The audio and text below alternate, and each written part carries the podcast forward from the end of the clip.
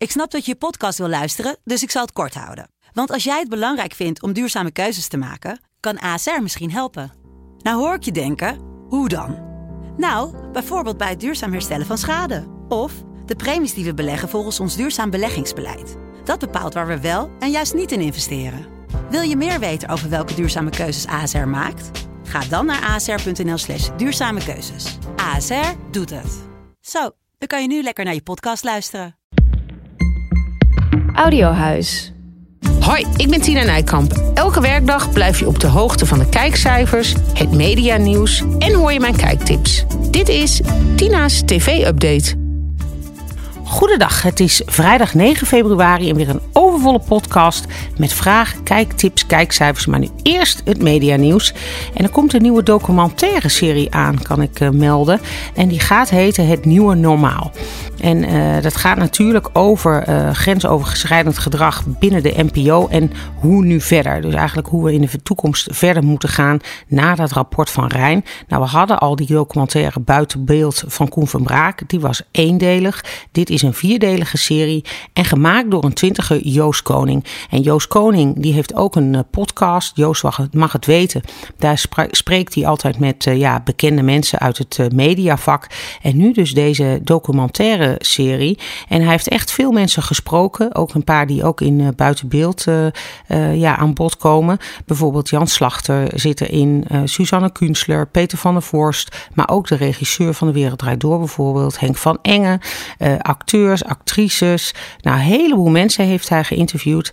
En nou, ik ben er heel benieuwd naar. Zeker ook omdat het door een twintiger gemaakt is. En dat is toch weer iets anders dan ja, door de wat vaak wat oudere documentaire maken, zoals een Koen Verbraak, die dat natuurlijk heel goed kan. Maar ik ben ook wel heel benieuwd naar het beeld wat Joost heeft. Ja, ik ken Joost best wel een beetje. Dus uh, ja, hij is een hele ja, echt een goede podcastmaker sowieso. Dus ik ben heel benieuwd. Ik heb er nog niks van gezien. Hij heeft nog geen zend gemachtigde. Maar uh, de documentaire komt er dus nu wel aan. En uh, ja, het blijft ook de hele tijd maar in het nieuws. Hè. Gisteravond nog steeds uh, ook weer. Want toen kwam Paul de Leeuw het bericht naar buiten dat hij met stemverheffing had gesproken op de set van het programma Niet Klein te krijgen. Waar uh, ja, na de regisseur uh, is gestopt daar. Dus nou ja, dat vond ik ook wel weer opvallend. Dat het maar in het nieuws blijft, dat rapport van Rijn. En ja, elke dag komt er wel weer een nieuw verhaal bij. Dan gaan we door naar het andere nieuws. Ik heb goed nieuws voor Diederik Jekel. Gisteren was natuurlijk bekend geworden dat hij niet meer champion is in het programma Beat the Champions. Maar hij mag wel terugkomen bij de NPO met het programma Jekelsjacht. En dat is goed nieuws. Hij lijkt dus wel echt RTL gezicht af. Hè, want hij was daar best veel te zien in RTL Boulevard. Onlangs nog in dat programma Upside Down met Edson da Graça had hij ook nog een rolletje. Maar uh, ja, nee, dat RTL avontuur lijkt nu over en uit. En hij lijkt nu echt wel echt een NPO-gezicht te gaan worden. Nou, in ieder geval goed en leuk voor hem dat hij weer wat nieuws heeft. Dan komt ook terug op SBS 6 het programma Code van Koppens.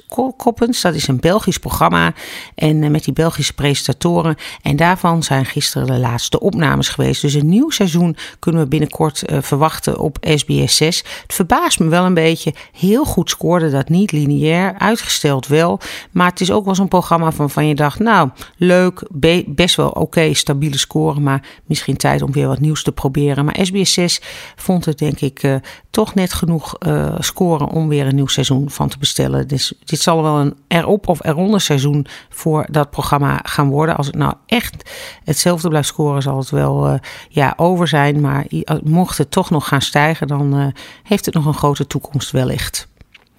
Dan hebben we de kijkcijfers. Gisteren uh, was natuurlijk die tweede aflevering van Project Dans. Dat, uh, die danstalentenjachten die op NPO 1 staat. Maar waarvan je kunt uh, denken van waarom staat die niet op NPO 3? Omdat het wel vooral een jongere doelgroep aanspreekt, hè, dansen. Nou, gisteren was het ja, helaas ook geen goede score. 488.000 kijkers. En dat is voor NPO 1 veel te weinig.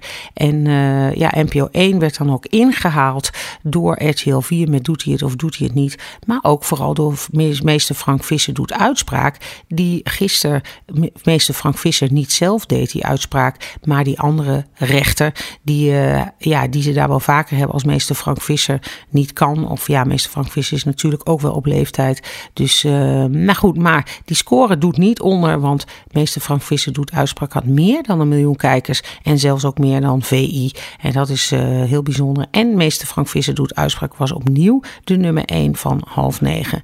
Wel dus slecht nieuws voor NPO 1 met dat danstalentjachtprogramma en talentenjachten. Ja. Het is gewoon wachten eigenlijk uh, op de Voice of nou ja, misschien dan de Soundmix Show waar ze mee bezig zijn. Maar uh, ik zou voor de rest, als ik zenders was, daar voorlopig eventjes niet aan gaan beginnen. Dan gaan we naar de vragen toe. Dan heb ik uh, de eerste vraag is: Carlo en Irene, komen die nog een keer terug in de zondagochtend? Ja, dat denk ik niet. Um, de zondagochtend is echt wel een slot uh, uh, voor, ja, voor, voor sponsors. Hè. Dus bijvoorbeeld Harry Mens heeft daar een programma, Pernille Lalau nu ook.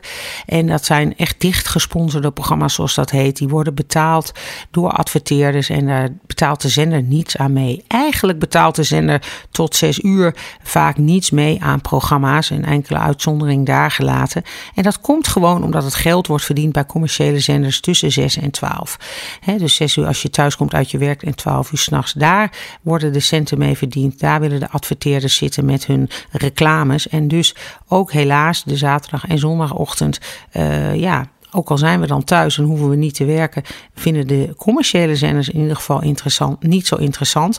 De publieke omroepen, ja, je ziet wel dat die zondagochtend daar wel heel populair aan het worden is met Ivo op zondag en WNL op zondag doet het daar heel erg goed, Buitenhof. Dus er wordt wel steeds meer door de NPO uh, ja, aangedaan. Maar voor de commerciële zenders heeft het niet zoveel zin. En nou ja, daar gaat het gewoon natuurlijk om het verdienmodel. En uh, Carlo en Irene als duo zie ik sowieso niet zo snel terugkeren. Carlo heeft inmiddels een hele succesvolle ja, carrière als solo-presentator.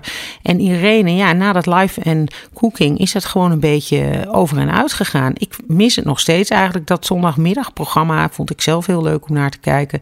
Maar ja, ook uit die cijfers bleek toch wel dat dat op het laatst ook wel vooral door hele oude kijkers werd bekeken. Dus ja, ik snap ook RTL wel dat ze toen hebben gezegd, nou we zetten daar ook gewoon RTL Boulevard neer. En uh, nou ja, en die cijfers zijn top. Dus ik denk dat ze daar ook voorlopig niet mee gaan stoppen. Dus ik zie Carlo en Irene als duo ook niet zo snel terugkeren op televisie. Dan de volgende vraag. Ja, uh, Ruben Nicolai, die dus Lego Masters gaat doen. Kwam die daling ook, uh, is de vraag van die kijkcijfers het vorige seizoen, omdat de Belgen ook een nieuwe presentator hadden? Ja, die Belgen halen ook de presentator terug van het eerste seizoen, Kurt Rogiers. En uh, ja, of dat daardoor komt, ik denk dat het een, dat zei ik gisteren ook al, gewoon een samenspel is. Kijk, Jamai liep daar gewoon rond, die voelde zich daar niet thuis. Dat zag je en alles een beetje verloren, hè? liep hij in die studio rond. Het, ja, hij had natuurlijk ook grote schoenen te vullen. Ruben Nicolai, dat is wel echt wel, uh, ja, echt een A-presentator natuurlijk. En ja, die Belgen misten denk ik ook wel Koers Rogiers. In ieder geval was daar ook derde seizoen heel slecht bekeken in België, want dat heb ik even nagezocht. Dus dit is denk ik wel nu gewoon, hebben ze gedacht, we doen het gewoon weer precies zoals het was. Dat scoorde. En nou, ik denk met betere opdrachten, wat ik gisteren ook al zei, moet dat ook wel gaan lukken. Het is een heel leuk format natuurlijk, Lego Masters. Want iedereen heeft ook wel wat met Lego. Dus uh, nou, ik vind het in ieder geval leuk dat het terugkomt. Waarom horen we nog steeds niks van de VPRO in zaken Theo Maassen? Ja, dat is een, ja, dat weet ik natuurlijk ook niet. Het is in ieder geval wel zo dat het heel stil blijft. En uh, elke dag komen ook over Theo Maassen natuurlijk weer. Uh, ja, dan komt hij zelf met een verklaring, of in ieder geval zijn familie. Gisteren kwam, kwamen er ook weer nieuwe feiten naar buiten. Ik denk dat dat binnenkort wel zal komen, een verklaring. En midden nu en een maand denk ik dat we dat wel, daar wel iets van gaan horen vanuit de VPRO.